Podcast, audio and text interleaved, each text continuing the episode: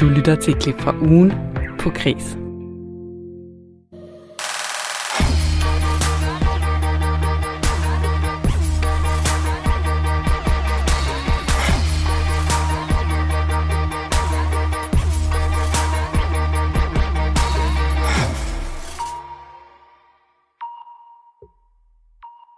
En fødselsscene på hele 24 minutter, kraft og skabertræng og nye litteratur- og kulturanbefalinger. De emner de har alle været en del af ugen på Kreds, som jeg dykker ned i her til morgen. Jeg hedder Lene Grønborg, og jeg er journalist og tilrettelægger på Kreds. Og så har jeg altså også lyttet alle Kreds-programmerne fra den her uge igennem, og jeg har valgt de bedste interviews ud til dig til den næste times tid.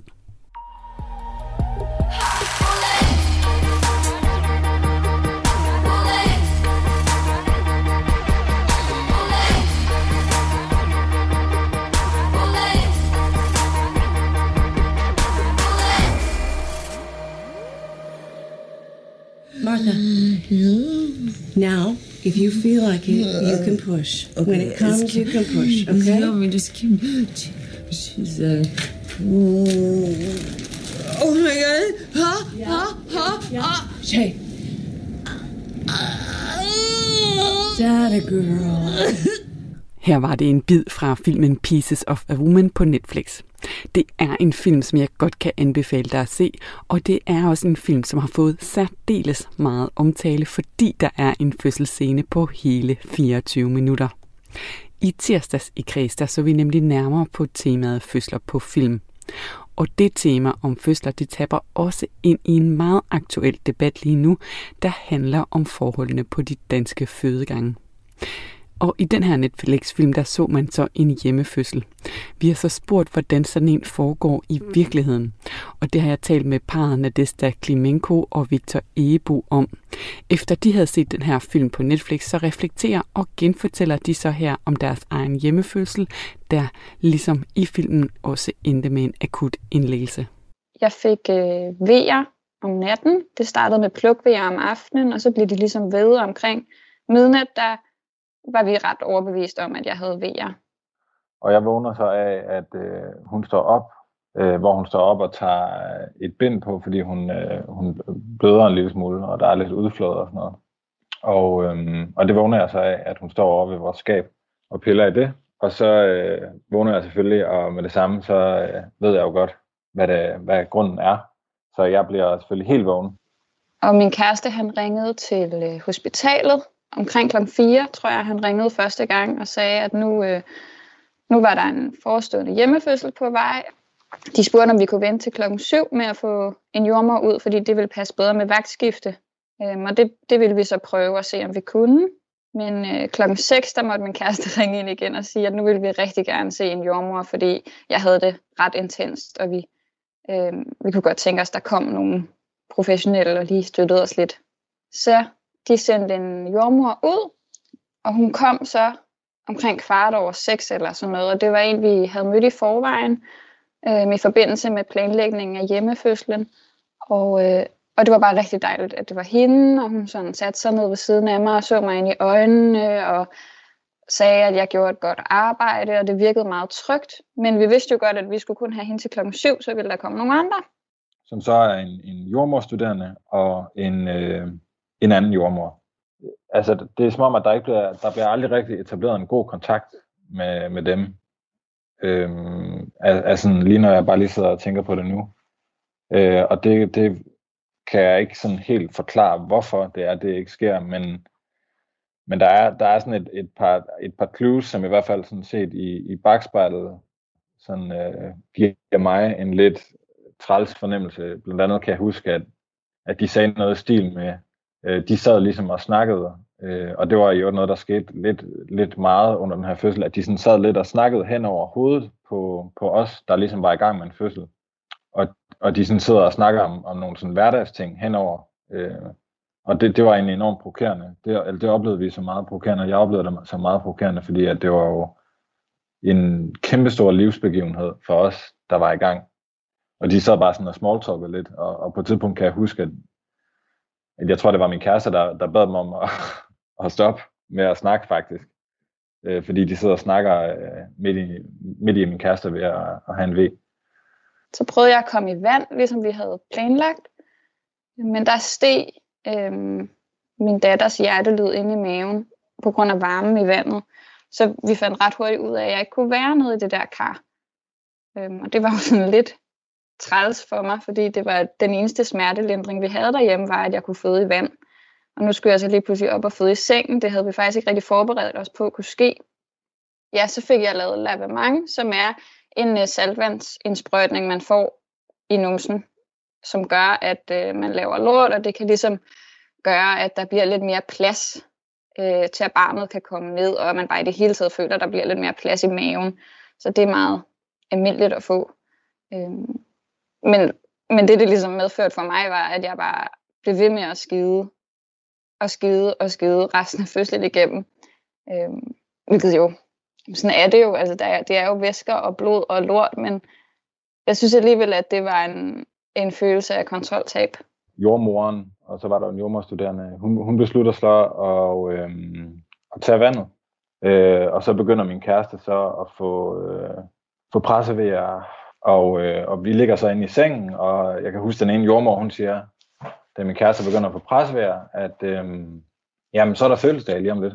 Og øh, jeg presser og presser, men øh, min datter kommer ikke ud. De siger, at de kan se, at hun ligesom kommer en lille smule længere ned, men så går hun også hele tiden sådan ligesom tilbage igen. Så hun sidder sådan lidt i mit bækken, og sådan, de siger, at hun kommer to skridt frem og et tilbage. Og det går bare for langsomt. Man siger normalt, at man helst ikke skal være i pres i mere end en time fordi at det presser babyen. Så da jeg har været det, altså presset i en time, ringer de efter en ambulance. I det, at, øh, at vi får at vide, at vi skal tage på hospitalet, altså der, der er jeg faktisk ikke øh, bange endnu. Øh, jeg går sådan lidt i sådan handlingsmode på en eller anden måde. Jeg bliver meget sådan øh, fokuseret på at øh, være der for min kæreste og sørge for, at øh, vi får de rigtige ting med. Øhm, jeg havde det meget intenst. Og øh, det der med at skulle have tøj på og ud af døren, øh, var øh, ret ubehageligt. Øh, og så var der sådan noget med, at øh, jordmoren og den jordmorstuderende sagde, at min kæreste han selv skulle finde ind til hospitalet, fordi der ikke var plads til ham i ambulancen. Og der måtte jeg ligesom zone ud af min fødeszone og kigge meget strengt på den jordmorstuderende og sige, at jeg synes, at hun selv skulle finde ind til, til hospitalet. Fordi jeg skulle ikke skilles fra min kæreste på det tidspunkt. Både fordi jeg havde rigtig meget brug for ham, og fordi jeg jo var lige ved at føde vores barn. Så det var sådan, det var en mærkelig situation. På vej ud til øh, ambulancen får min kæreste så en pressevæg, og klokken er fire på det her tidspunkt. Så det er jo lige der, hvor alle kommer hjem fra arbejde, og der er masser af aktivitet i vores skov, og Øh, jeg står så øh, og holder min kæreste, mens hun øh, får en pressevæg på vej ind i ambulancen. Og jeg prøvede sådan at holde igen, fordi det var myldretid, og der var mennesker på gaden. Men, men det kunne jeg ikke. Altså, det var virkelig en følelse af, at man kan ikke styre en fødende krop. Altså, den ville bare føde. Så jeg stak sådan hovedet ind i min kærestes bryst og brølede bare den der pressevæg ud og måtte ind i bilen. Og sådan lige, jeg så lige ud af øjenkrogen, hvordan naboerne blodede, og det var virkelig grænseoverskridende. Så vi kom ind på hospitalet, og jeg blev kørt ind på en fødestue, og der kan jeg huske, at jeg helt tydeligt sagde til mig selv, vi ses, når det her er overstået. Der steg jeg bare ud af min krop. Og så kom vi ind på en fødestue, og der fik jeg V-drop, som skulle sætte gang i, øh, i de her pressevejer. Og det betød, at jeg fik V-storm, hvilket betyder, at der ikke var pause imellem V'erne. Altså det var bare pres, pres, pres. Og da jeg så havde gjort det i tre kvarter, og hun stadig ikke var kommet ud, så havde tilkaldt de en fødselslæge, som kom ind, og hun var faktisk rigtig sød, og, og det var rigtig trygt på en måde, at hun kom ind i rummet. Øhm, hun sagde, at hun gerne ville lægge en sugekop, og de spurgte, om jeg ville have på dendusblokade, og vi anede ikke, hvad det var, og jeg kunne overhovedet ikke tage stilling til noget. Det er åbenbart sådan en bedøvelse, man kan lægge nederst i skeden øh, fordi det kan gøre ret ondt at få lagt en sugekop. Og, men jeg kunne ikke tage stilling til det, så jeg sagde, at min kæreste måtte vælge, og han sagde, at det skulle jeg ikke have, fordi vi på forhånd havde aftalt, at vi ville forsøge at undgå smertestillende.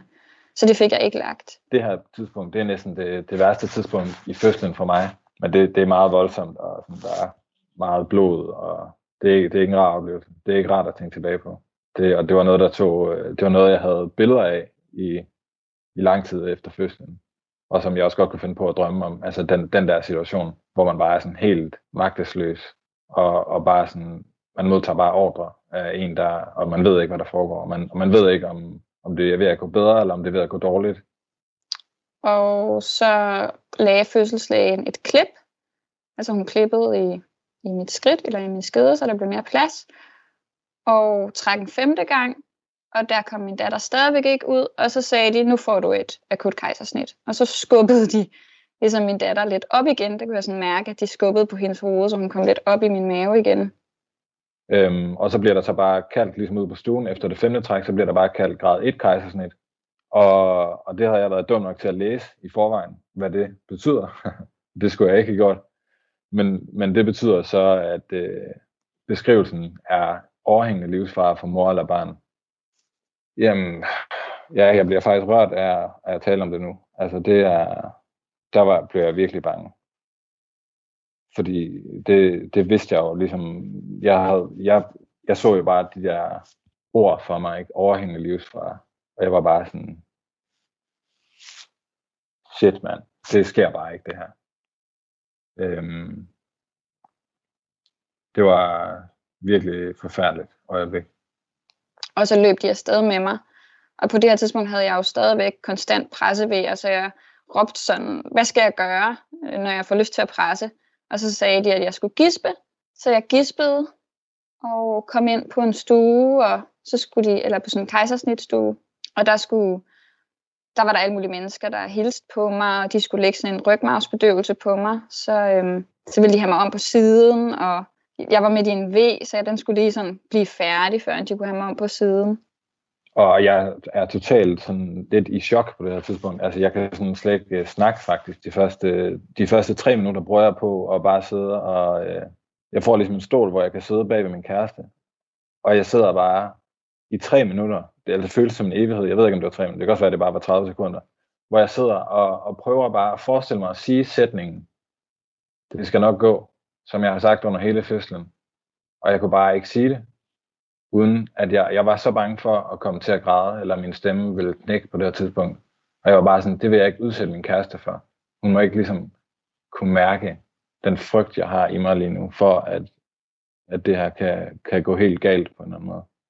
Så jeg sidder ligesom og bruger lang tid på at prøve bare at tage mig sammen til at, at tage min kæreste i hånden og sige igen, det skal nok gå. Og så efter ret få minutter kunne vi jo høre en lille lyd, som var min datter, der kom ud af maven og græd med det samme heldigvis. Og hun havde det godt. Og så hører man den der gråd. Min datter, hun græd med det samme, da hun kom ud. Og det er, det er nok den største lettelse, jeg nogensinde har følt i mit liv, tror jeg.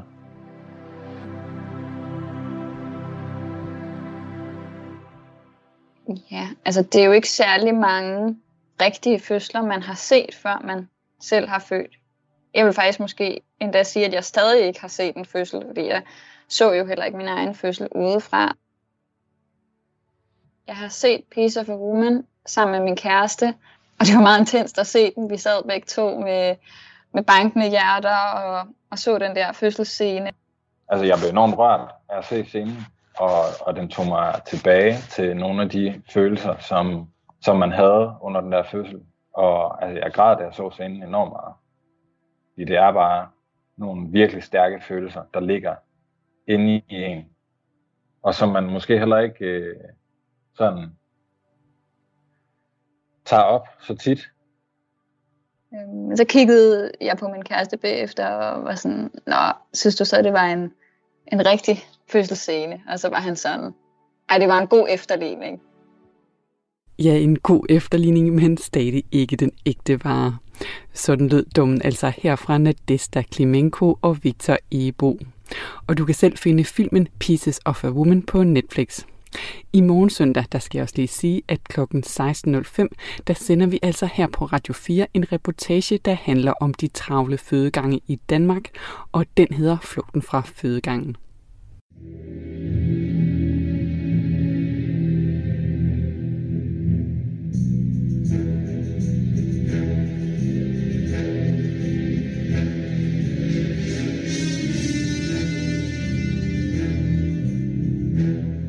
Her på Kreds der har vi samlet et stærkt hold af kulturagenter. Det er syv forskellige danskere, der bor fordelt rundt i hele landet, og som vil anbefale dig og mig de bedste kulturoplevelser lige der, hvor de bor. Så det er altså nu, du skal finde papir og pind frem. Fordi vi skal møde Danny Volter Møller, som er vores kulturagent i Vestjylland. Og han har også et tip til dig, der ikke bor i det område. Han har nemlig været på jagt efter en åben kulturinstitution, som faktisk findes i alle landsdele. Jeg cykler og vandrer en del, og så er jeg kommet til at kigge på de kirker, vi har rundt omkring i Danmark, og det er jo en, en god åben kulturinstitution. Det er jo sådan nogen, der har stået de sidste 800 år, 900 år, øh, og gennemlevet pest og krige og orkaner og, og så videre. Og de står der faktisk og værner om nogle gode kulturskatte. Så jeg har egentlig bestemt mig for at besøge en kirke i dag. Du er i Velling Kirke, som er den kirke, der hører til den by, du øh, bor i. Hvordan øh, ser den ja. kirke ud? Jamen altså, det er en gammel øh, 1200-tals kirke, øh, som er bygget her på kanten af Ringkøbing Fjord. Og det er simpelthen så smukt, fordi et fjorden er frossen til is, og der løbes på skøjter dernede, så det er helt vildt.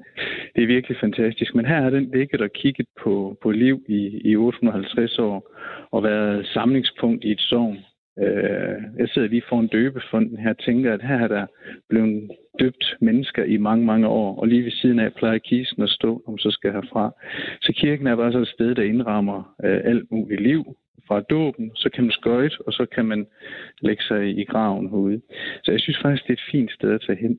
Jeg har, når jeg har vandret og cyklet, har vi også ofte søgt kirkerne i forhold til, der er toiletter og vand. Det er sådan meget praktisk, men det er også et rart sted lige at komme ind og sidde, øh, og så bare lige hvile sig lidt, øh, når man nu er afsted. Så det er bestemt ikke første gang, jeg er i en, i en kirke. Ikke, ikke til gudstjeneste, men egentlig mere som en, en, en mental opladningsplads. Det er sådan, at lige nu så er kirkerne åbne. Der er restriktioner, som gør, at der må være øh, højst en person per 7,5 kvadratmeter. Og øh, myndighederne de vurderer altså, at det er sundhedsmæssigt forsvarligt at gennemføre både gudstjenester og andre kirkelige handlinger, når man følger øh, retningslinjerne, som øh, inkluderer både øh, mundbind og håndsprit, og at man ikke må synge. Og det vil altså sige, at der både er gudstjenester og andre kirkelige handlinger, som øh, begravelser, bisættelser og bryllupper, men de må højst vare 30 minutter. Og Danny, du sidder jo i Velling Kirke lige nu, og der er ikke nogen gudstjeneste, men hvordan er det så at være i det her, det her kirkerum? Jamen, det, er det der, er, jeg er fuldstændig alene her, øhm, og jeg nyder simpelthen bare lige at sidde på en bænk her og kigge på træudskæringer og en flot prædikestol og øh, flotte håndstrøgne gule mursten, som danner gulv og og, og det er bare så fint. Og det, det, det, man kan se, det er kvalitet hele vejen igennem. Det er ikke så et sted, man har falden til IKEA. Øh, vores folkekirke kan være lidt tung at danse med mit indtryk, eller tænker jeg. Men øh, man forfalder ikke sådan lige til IKEA og pynte ting fra søsterne Grene, og det synes jeg simpelthen er så fantastisk. Så, så nu mærker jeg sådan lidt, der er ikke så meget varme på, så det er egentlig også sådan lidt koldt. Øh, men øh, det kan jeg egentlig også godt lide. Jeg har en kædedragt på. Så det er begrænset, hvor længe man kan være derinde. Eller man skal i hvert fald have varmt tøj på, hvis man begiver sig ud på, øh, på sådan, i sådan en kulturoplevelse. Ja. Men det der er særligt ved kirken her, som jeg står og kigger på nu, det er altertavlen. Den er oprindeligt fra 1600-tallet af, og sådan meget fra den tid af. Men i midten af 60'erne arvede kirken en større pose penge fra en ældre dame i sovnet, øh, og hun gerne forny altertavlen. Det var hendes ønske. Og der havde man Statens Kunstfond inde øh, og hjælpe til, og der var der en, en kunstner, der hed Dan Sterup Hansen, der fik lov til at male. Så oven i det her gamle øh, altertavle her, der er malet noget meget, meget nymoderne kunst øh, af Jesu og hans disciple, der sidder rundt i meget, meget farvestrålende klæder, rød og øh, orange, og, og så komplementerer farven bag ved sådan dyb grøn Øh, og der sidder han og deler brød ud til sine 12 disciple. Og det der er så fantastisk, nu sagde jeg lige, der var koldt før, men når jeg kigger på alle de her dejlige varme farver, så er det faktisk som om, man nærmest kan, kan varme sig lidt ved det. Det er som om, at det gløder. Øh, og det kan jeg faktisk sådan blive både helt varm indeni og, og stå og kigge på. Også fordi, at man kan se, at det er en, måske en provokation mod, mod det, der var. Øhm, og jeg har lige læst i et lille hæfter her, der står, at der var en del af de gamle, der sagde, at det var godt, de var så gamle på det her tidspunkt, så skulle de ikke kigge på det så lang tid. Øh, men jeg er nu glad for, at der er nogen, der har været modige i 60'erne øh, og har fået et, et moderne øh, aldertavle, eller en, en gammel aldertavle til at fremstå moderne. Men så clasher den her aldertavle en smule med, øh, med de resterende øh, udsmykninger, der er i kirken? Som jo er fra ja, det middelalderen. Det er en middelalderkirke øh, kirke, øh, fra ja, ja, helt præcist 1180. 1180, ja. ja. Det er en gammel sag.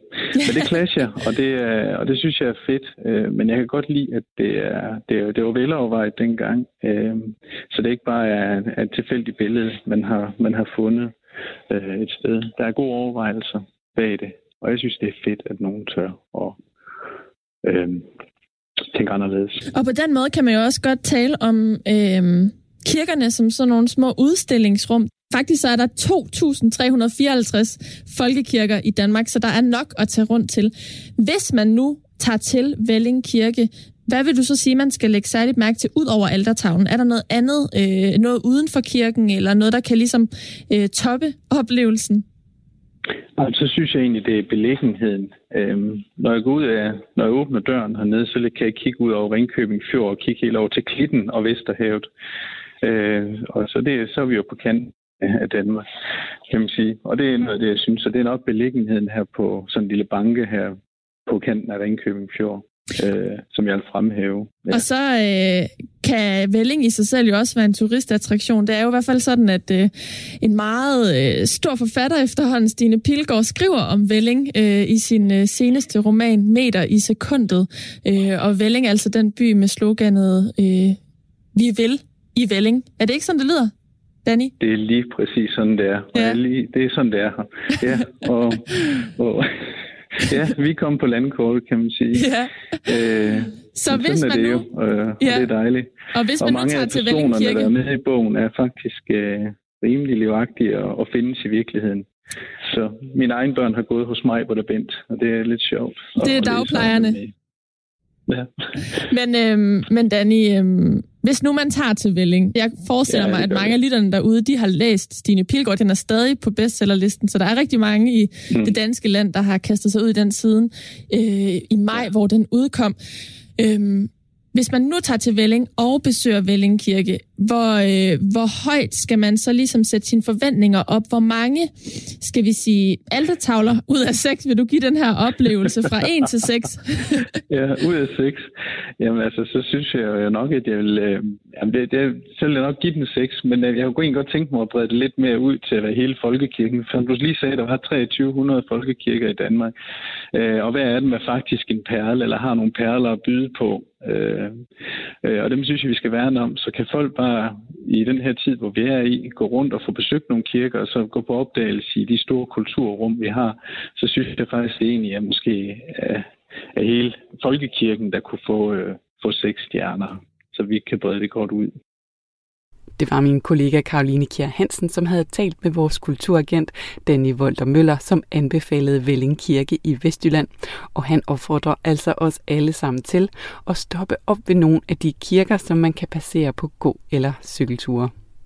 Du lytter til et klip fra ugen på Kreds. Mit navn det er Lene Grønborg, og jeg har udvalgt nogle af de bedste klip fra ugen til dig.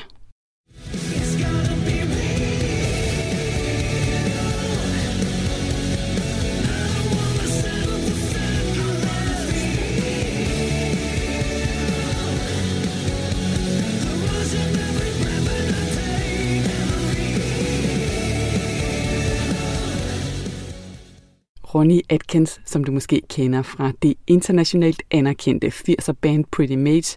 han udgiver nu sange i eget navn. Og her var det en bid af nummeret Real. Inspirationen til nummeret er kommet til ham efter en alvorlig kraftdiagnose, og i dag synger han også for at jage de sorte tanker på flugt. Jeg talte tidligere med ham om karrieren i det internationale succesband Pretty Mage, og også om, hvordan kraften i dag har givet ham et nyt perspektiv på både liv og musik. Og den historie, den starter med fællesang hjemme i Ronnys barndomshjem. Mit første møde med musikken, det tror jeg, der kommer helt tilbage, da, da jeg var barn. Jeg har tre søskende, som er mellem 9 og 13 år ældre end mig, og, og vi sang meget derhjemme, og øh, jeg husker, vi sagde, at jeg My Bonnie's Over the Ocean. og, så, øh, og så blev jeg jo ellers bare flasket op med masser af 60'er, Beatles, Bee Gees og alt, alt muligt. Starten af 70'erne måske. Og så op sidst i 70'erne, så var der begyndt jeg sådan at lytte til, altså begyndte jeg at lytte til alle de gamle heavy, sådan som Purple, Black Sabbath, Zeppelin, og så Thin Lizzy og ACDC. Så kom det, så kom hele den der new wave of British heavy metal der i starten af 80'erne, og så, så er det det, jeg var på. Altså, men jeg kunne stadigvæk godt lide popmusik, for jeg kan huske, jeg kan huske, at jeg stadigvæk nogle Bee Gees-plager og, og ABBA-plager i min plade sammen. Dem gemte jeg sådan, når rørene de kom på besøg. de skulle de jo ikke se af. Men uh, en god, god sang er en god sang.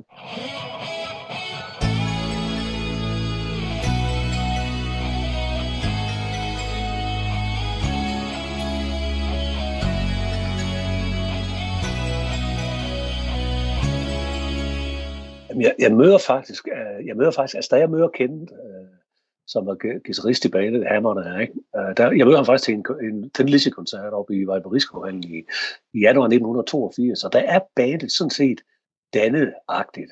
De har så bare ikke rigtig nogen sanger. Og det er sådan helt tilfældigt, jeg møder ham deroppe, øh, fordi jeg kan huske, at han har sådan en, en super sej jean jacket på, og sådan en coverjakke med broderet sin lise bagpå, ikke? og det var jeg jo noget betaget af. Det var ikke sådan lige noget, man fandt dengang, så skulle man finde det et eller andet sted i København, ikke? men det, nu er vi jo i Jylland. Øh, og så, så, så, så sætter jeg sådan en annonce op noget tid efter, øh, nede på, i musikforretningen nede i Vejle, hvor jeg skriver øh, heavy sang, eller rock sang, altså heavy band. Der var ikke nogen, der spillede lige her i Vejle, og, og mig her, mig bekendt i hvert fald. Og så øh, fik jeg så en opringning fra nogle gutter oppe i Horsens, som har set den der, øh, det opslag, jeg har lavet der. Og så, øh, og så helt tilfældigt, så kører så er der op sammen med en kammerat, der skal mødes med dem en dag. Så er det så ham øh, med Thinlis jakken, der står der og siger, hvad fanden, der, der kender jeg sgu da godt. og så det var sådan helt random, kan man sige, et eller andet sted. Og så, øh, jamen, så gik der ikke ret lang tid. Ja. Så, så begyndte fandt vi så hurtigt ud af, øh, os to, at, at vi fungerede fint sammen med og begyndte at skrive vores egen musik og sådan noget. Så, øh, men der havde jeg jo allerede øh, selv mange år forinden, var jeg begyndt selv at skrive sange og sådan noget, da, jeg var de der 12-13 år. Øh, og mega gasolinfan og sådan noget var jeg jo også, ikke? Men, øh, men, øh, men det var sådan, jeg mødte Kent, og sådan pretty much performet, kan man sige.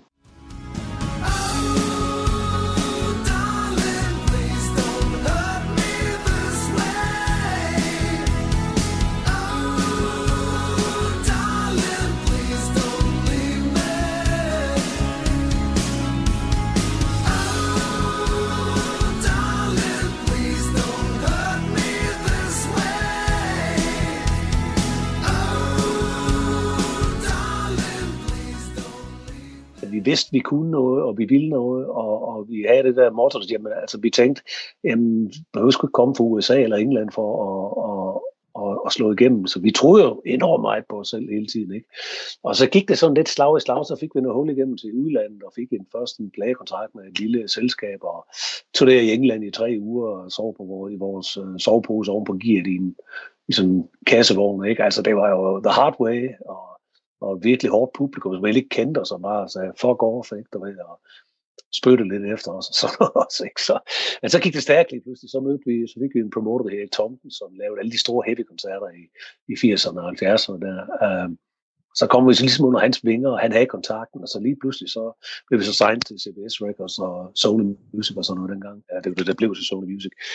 Og så kom vi jo med nogle af de store bands på tur, Deep Purple og Saxon og sådan noget, hvad det hed dengang. Øhm, og, og fik jo et, øh, et, et i, i Europa, ikke? kom også på MTV og var i USA og lavede plader. Og, altså det, det gik så stærkt, altså jeg vil sige sådan imellem 485 og, og 92, det var sådan, hvad skal man sige, i virkeligheden virkelig vores storhedstid. Ikke? Og der var der jo fokus på den form for musik. Du kunne få det på radioen, du kunne få det på MTV, og det var sådan mainstream. Ikke? Og så kom grunchen, og så gik det hele sådan lidt i, lidt i, i dvale igen. Ikke?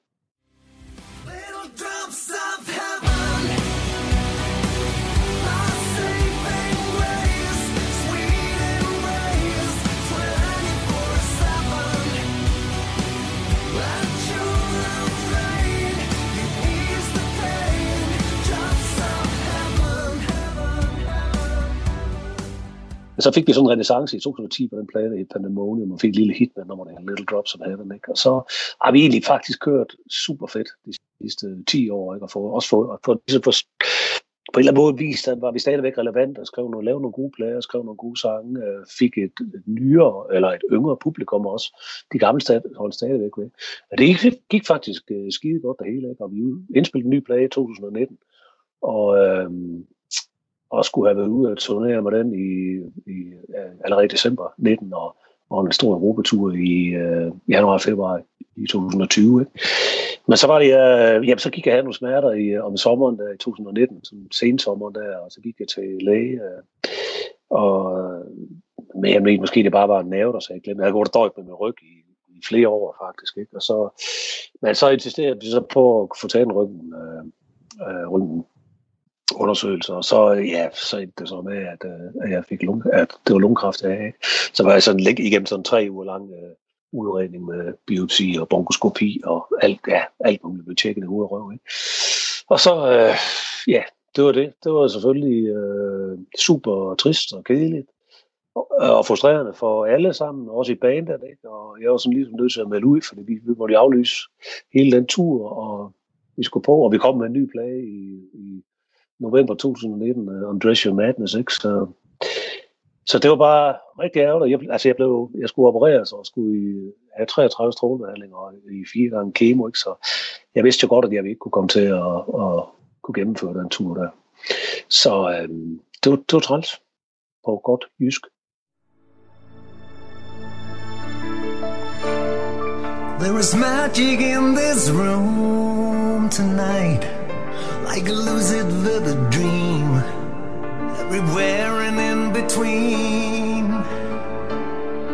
An enchanted sense of pure delight Like an inner state of grace.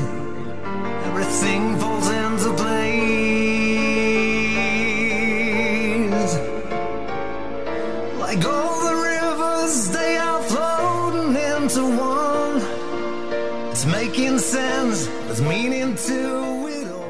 Jamen altså, så, så, så havde jeg, så jeg havde faktisk en lang periode, hvor jeg ikke kunne, øh, hvor jeg ikke rigtig kunne synge igennem, fordi mit, øh, mit lungevæv var beskadiget af stråler. Øh, så da jeg sådan hele forår 2020, det var først hen i maj, jeg sådan begyndte at få min stemme for alvor tilbage igen. Og, og, øh, og så prøvede jeg at synge et nummer på sådan et andet projekt, bare for at høre, hvordan det lød. Øh, det var sådan indspillet af gammel Tina Turner-nummer, We Don't Need Another Hero, for noget af The Movies. Det gik jeg så over og lavede øh, sådan i to takes, og det gik super fedt. Og så tænkte jeg bare, fedt mand, så er stemmen tilbage igen. Ikke? Altså det skal lige siges, at jeg fik jo ikke ret lang tid efter, at jeg faktisk var blevet klæret i februar øh, 2020. Der gik der kun 5-6 uger, det var lige før påske, ikke? så havde jeg godt haft nogle smerter, og så fandt det så ud af, at, øh, at kraften den havde øh, spredt sig til, øh, til et ribben, altså knoglemarven. Ikke? Og, og så fik jeg jo øh, at vide, at jeg havde kraft, fremskridt kraft i stadie 4, ikke? Og, øh, og det var jo ikke nogen særlig god, øh, god statistik, der var for det. Så der gik jeg selvfølgelig panik fra at tro, at jeg sådan næsten var helbredt. Øh, så øh, så øh, fik jeg lige den der, det var sådan ligesom lidt dødstød. Ikke? Og så for, for ligesom at, at, at hanke op i mig selv og prøve at parkere sygdommen og, og koncentrere mig selv om noget positivt, så besluttede jeg mig for at lave den øh, plade. For jeg havde en masse sange, jeg havde skrevet, som var meget mere personlige. Primært øh, så har jeg lavet den plade for... Øh, for at få de sange ud af mit system, men, men også en slags, hvad skal man sige, en slags terapi for mig selv, musikalsk terapi, for at fokusere på noget andet end bare sygdom. Ikke? Øhm, og det var så det mål, jeg satte mig, og det mål har jeg så nået nu, for den kommer her i marts, ikke? og vi har udgivet, eller jeg har udgivet et par singler indtil videre. Ikke? One Shot er egentlig, startede egentlig mere som lidt, beskrevet på piano faktisk som ballade. Ikke? Øhm, men så, da vi så producerede det, så Chris havde en idé om, at lade os rocke øh, uh, refrængen lidt op, så det er sådan blevet et rimelig stort sing-along refræng ikke? Og tekstmæssigt, jamen der handler den om, uh, uh, altså one shot, one life, one chance to throw the dice, ikke? Maybe tomorrow is too late. Altså det siger jo egentlig sådan et eller andet sted det hele, ikke?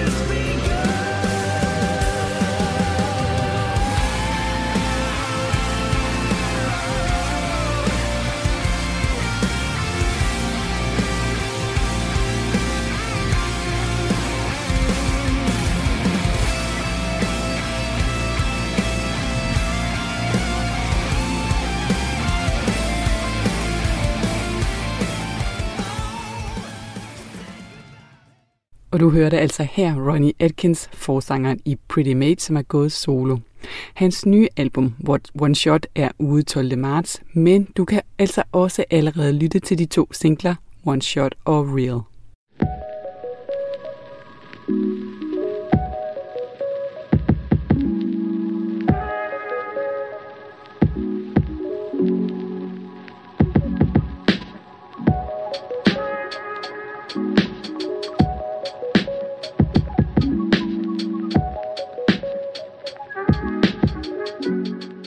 Vores litteraturekspert her i redaktionen, og også vært på Radio 4's litteraturprogram Mellem Linjerne.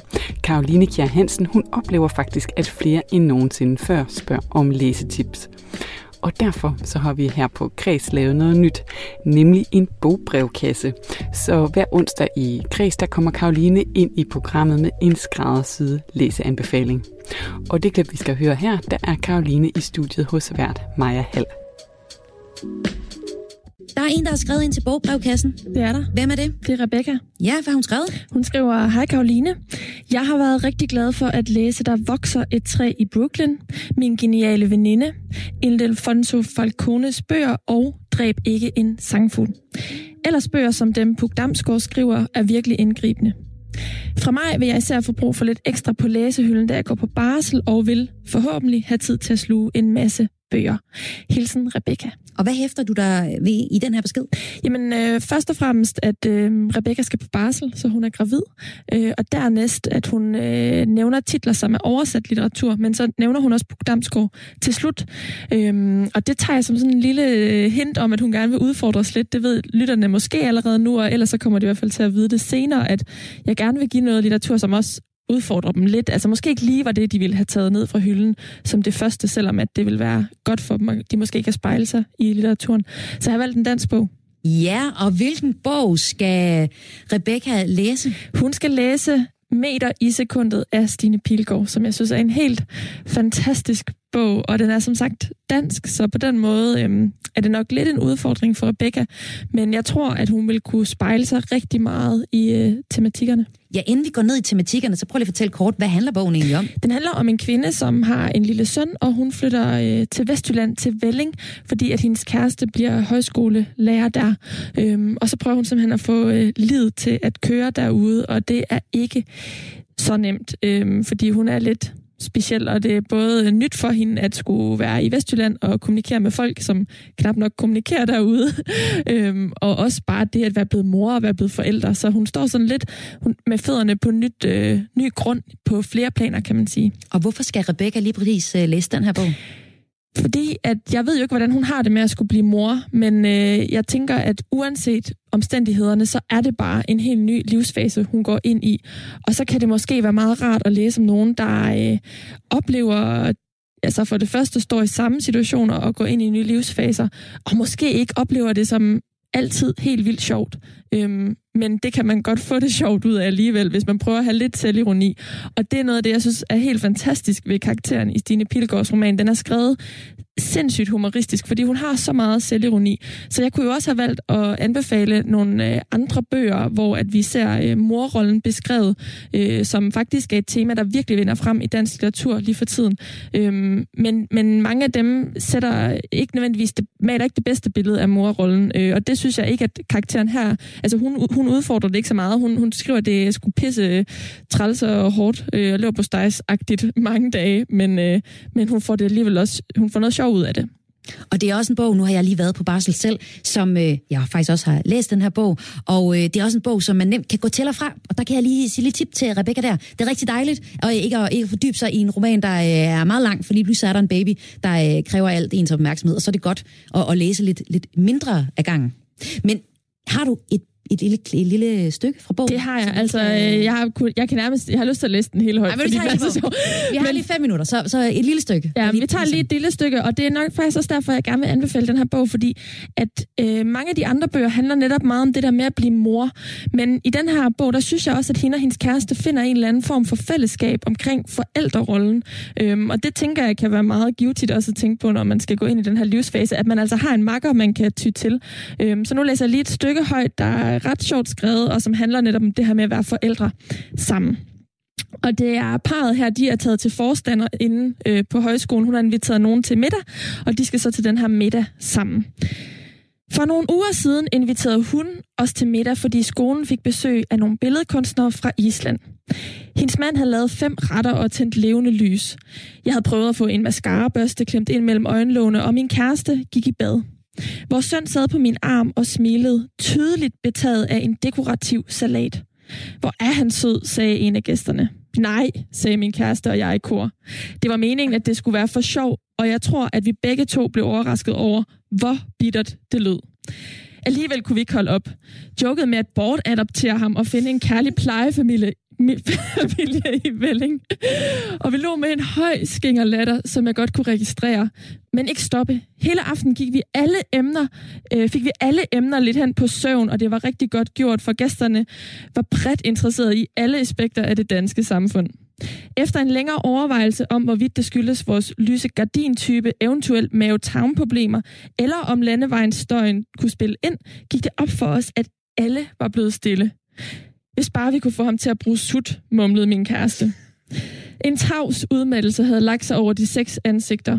Forstanderinden hældte vin op i de høje glas og smilede undskyldende til sine gæster.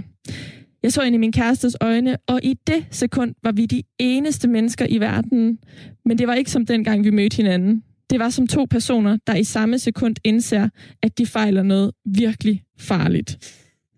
Amen altså, den er så mega spot on i nogle af de idiotiske samtaler, man har som forældre. Ja. Nybagte forældre, og, så, på. og den handler jo ikke kun om det der med at blive mor, den handler også om det der med at flytte et helt nyt sted ja. hen. Og jeg har lige en lille, lille passage, der illustrerer det. Det er faktisk det aller, aller første, og jeg var bare hugt, da jeg læste det her første gang. inden banker på tre gange lige efter hinanden og åbner selv døren. Sådan gør vi herude, siger hun, da jeg ser overrasket ud. Er der ingen i Velling, der har sex, spørger jeg. Er der ingen, der ser porno eller onanerer, men kan det ikke nå at få tøj på i løbet af tre bank? Folk finder deres måder, siger forstanderinden, og tager to kopper i skabet. Ja, det beskriver jo meget godt det clash, der er mellem hovedpersonens øh, meget umiddelbarhed og øh, så forstanderinden, som repræsenterer det her øh, ja, lidt mere langsomme øh, det, ja, måde at være på, kan man sige. Formelte måde ja, at være på. lige præcis. Hvis du lige skulle knytte et par ord her til sidst, og jeg står bare, jeg, jeg, jeg, jeg griner så Jamen, meget. Jeg kunne næsten heller ikke lade være med at grine. jeg kan virkelig godt lide den her bog. Men hvis du kunne knytte et ord mere på, hvad det er for en tematik, eller ikke tematik, hvad det er for en type bog, det her. Altså, fordi den blander jo faktisk nogle forskellige genre. Det gør den. Det er både den her fortælling, men så er det også en brevkasse, som øh, hovedpersonen her ender med at skulle administrere i øh, den lokale avis. Og så er der forskellige højskolesange øh, med i den også. Så det er sådan en genrehybrid. Og derfor er det også helt vildt svært at egentlig sådan sige det her med, at den skriver sig ind i en tematik. Jeg synes, den er ekstremt original. Og det er formentlig også derfor, at øh, bogen er blevet præmieret med priser senest øh, weekend, Weekendavisens litteraturpris, og også er blevet solgt til filmatisering. Så når jeg har valgt at anbefale den her bog, så er det altså fordi, at den bare er helt særlig, og øhm, jeg har bare på fornemmelsen, at den kunne tale til Rebekkas øh, behov. Det kan godt være, at jeg tager fejl, men øhm, om ikke andet, så kan den i hvert fald give et smil på læben i en tid, hvor der ikke nødvendigvis er vildt meget andet, der gør det. Ja, men mindre man er glad for sit, øh, sit nye barn. Det, det er rigtigt. Det bliver. Men uh, Rebecca, jeg vil også sige til dig, at du kan med fordel finde den her bog som, uh, som uh, oplæst. Og uh, som Karoline siger, så er der jo uh, simpelthen sange i bogen. Og uh, noget af det, jeg knækkede halsen lidt på i bogen, det var sangene. Dem gad jeg faktisk ikke læse. Men i, uh, når den er oplæst, så er sangene, de bliver sunget. Som lydbog altså? Lige præcis. Og uh, det er måske også meget dejligt uh, at få det oplæst, fordi der er også den der, måske skal du arme, og uh, så er det svært lige at sidde med en bog også.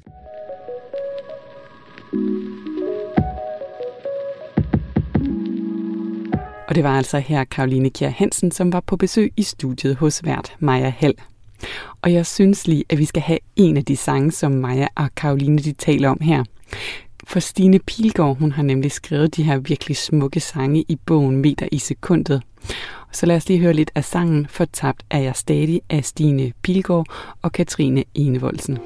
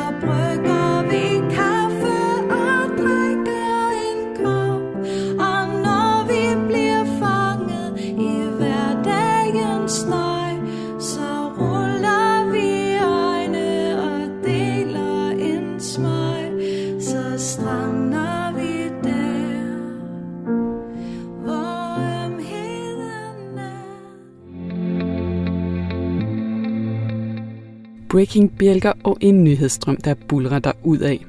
Det er lige til at blive forpustet af. Så derfor trækker vi hver torsdag i kreds i den lyriske håndbremse og får en poet til at sætte ugen på vers. Det gør de ud fra en nyhed, der har fyldt i medierne den seneste uge, og som er inspirationskilde til en sprit ny tekst, de har skrevet.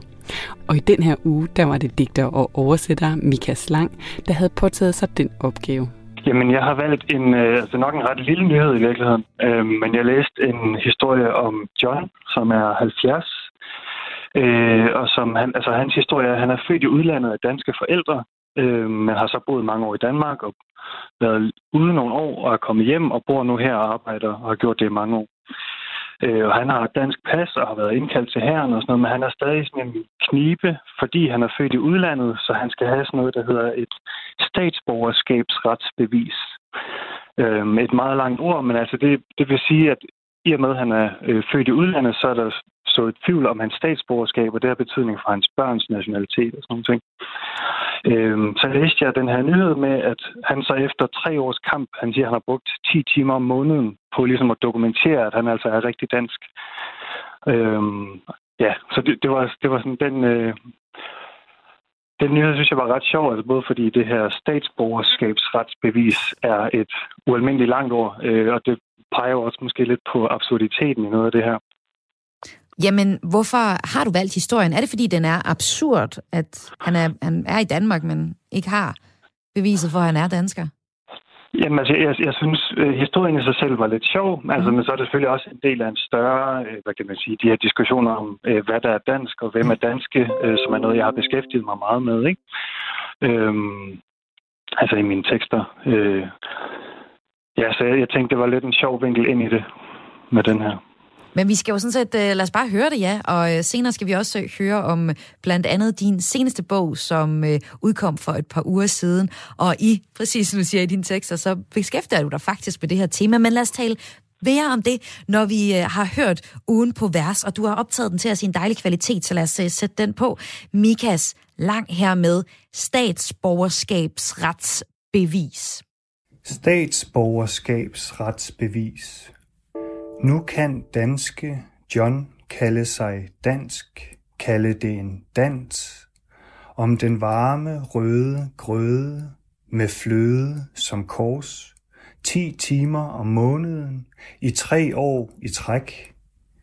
Hverken dansk dåbsattest, dansk pas eller danske eksamenspapirer er danske nok.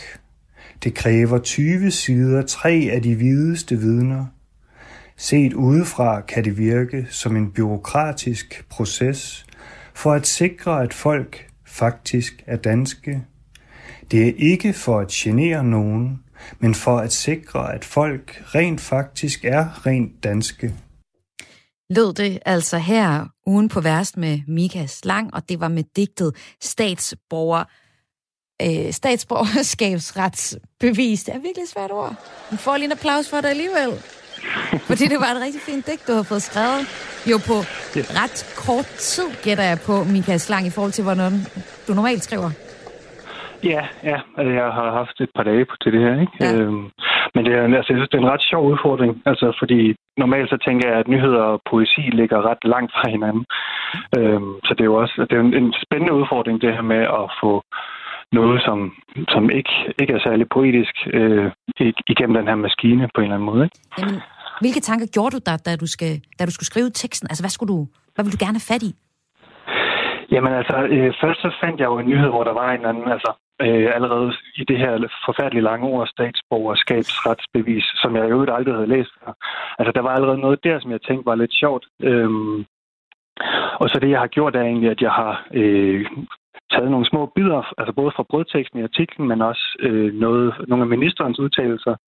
Øh, og så kan man sige, så har jeg jo øh, skruet lidt på dem, altså så overdrevet det, øh, og lagt nogle billeder på, der ligesom får det hele til at, at virke mere overdrevet, ikke? Øh, for på den måde at, at få en eller anden form for budskab igen, kan man sige. Og det her med at få et budskab igennem, er det vigtigt for dig som, som digter generelt? Øh, ja, altså både og, vil jeg sige. Altså, øh, primært så handler det jo om sådan at bearbejde øh, kan man sige, mit eget levede liv.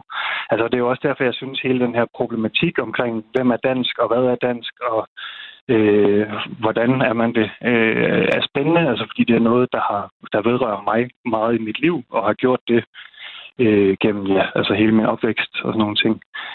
Øhm, Ja, så, fordi altså, du er sige... halvt dansker og halvt afro-tysker, så på den måde har du også øh, den her problematik tæt ind på livet. Øhm, nu handler den her nyhed, og, og de digter også om øh, tilhørsforhold, og de tema, som du har beskæftiget dig med tidligere. Øh, først med din digtsamling øh, Melanin fra 2019, og så din seneste bog, Og Spøgelser, som faktisk udkom for et par uger siden, og tillykke også med den. Prøv at fortælle, ja, hvorfor den her tematik er så vigtig for dig som digter. Øh, jamen, det er den jo, fordi det er vigtigt for mig som menneske. Øh, jeg, altså, man kan sige, jeg, jeg skriver om det, der rører mig. Øh, og man kan sige, så er jo ligesom to spor i det. Altså, selvfølgelig vil jeg jo også gerne ind og mm, på en eller anden måde øh, påvirke, hvordan vi taler om ting og hvad vi taler om. Øh, men det er jo selvfølgelig også et spørgsmål om, øh, at det er også en måde, jeg ligesom kan både forholde mig til at bearbejde nogle af de oplevelser, jeg selv har. Ikke? Vil du også gerne påvirke debatten om tilhørsforhold og etnicitet og racisme med dine øh, tekster? Øh, ja, altså nu skal man passe på med at lade sig spænde så meget fra en vogn. Altså, fordi man kan sige, der er jo også en klar forskel. Altså, jeg kunne også sætte mig ned og skrive et øh, debatindlæg. Mm. Øhm, men man kan sige, det, det digt, det kan, i, altså i modsætning til debatindlæg, det er jo, at man netop kan tage det her nogle enkelte ord eller nogle udtryk, eller få øje på noget, som ligger i nogle af de her øh, udtalelser, som forskellige folk kommer med i den offentlige debat. Og så kan man sådan overdrive dem, eller forstørre dem, eller lige forskyde betydningen lidt. Øh, og det gør måske, at der bliver åbnet for nogle nye perspektiver på, på det, vi snakker om. Eller manipulere med virkeligheden? Ja, men det, kan, det gør jeg jo. Altså. Okay, men hvorfor skriver du egentlig ikke også debatindlæg?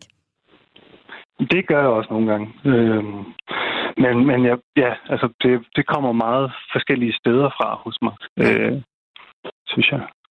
Så det er vigtigt for dig, både i, din, øh, ja, i, det, i det hele dit liv jo faktisk, at få øh, sat det her, det her emne op, både øh, poetisk og ja, så også igennem debatindlæg? Ja, men altså man kan sige, det er jo, er jo mit liv, eller det er jo, det er jo min levede virkelighed, ikke? Ja. Øhm, så det er jo også en måde at skabe lidt plads til mig selv på, kan man sige. Tak fordi du var med her, Mikas Lang, digter og oversætter, og lige nu aktuel med bogen og spøgelser. Tak fordi du satte den her uge på vers her i øh, Kreds hos os. Og det var altså her digter og oversætter Mikas Lang, der satte uge på vers i studiet hos Bert Maja Hall. Det var alt, hvad vi nåede her i klip fra ugen på Græs. Du kan selvfølgelig finde alle programmerne som podcast på vores hjemmeside radio4.dk eller i vores app. Og så er vi tilbage igen med sprit nye oplevelser og nyheder fra kulturen i næste uge. Mit navn det er Lene Grønborg. Tak fordi du lyttede med.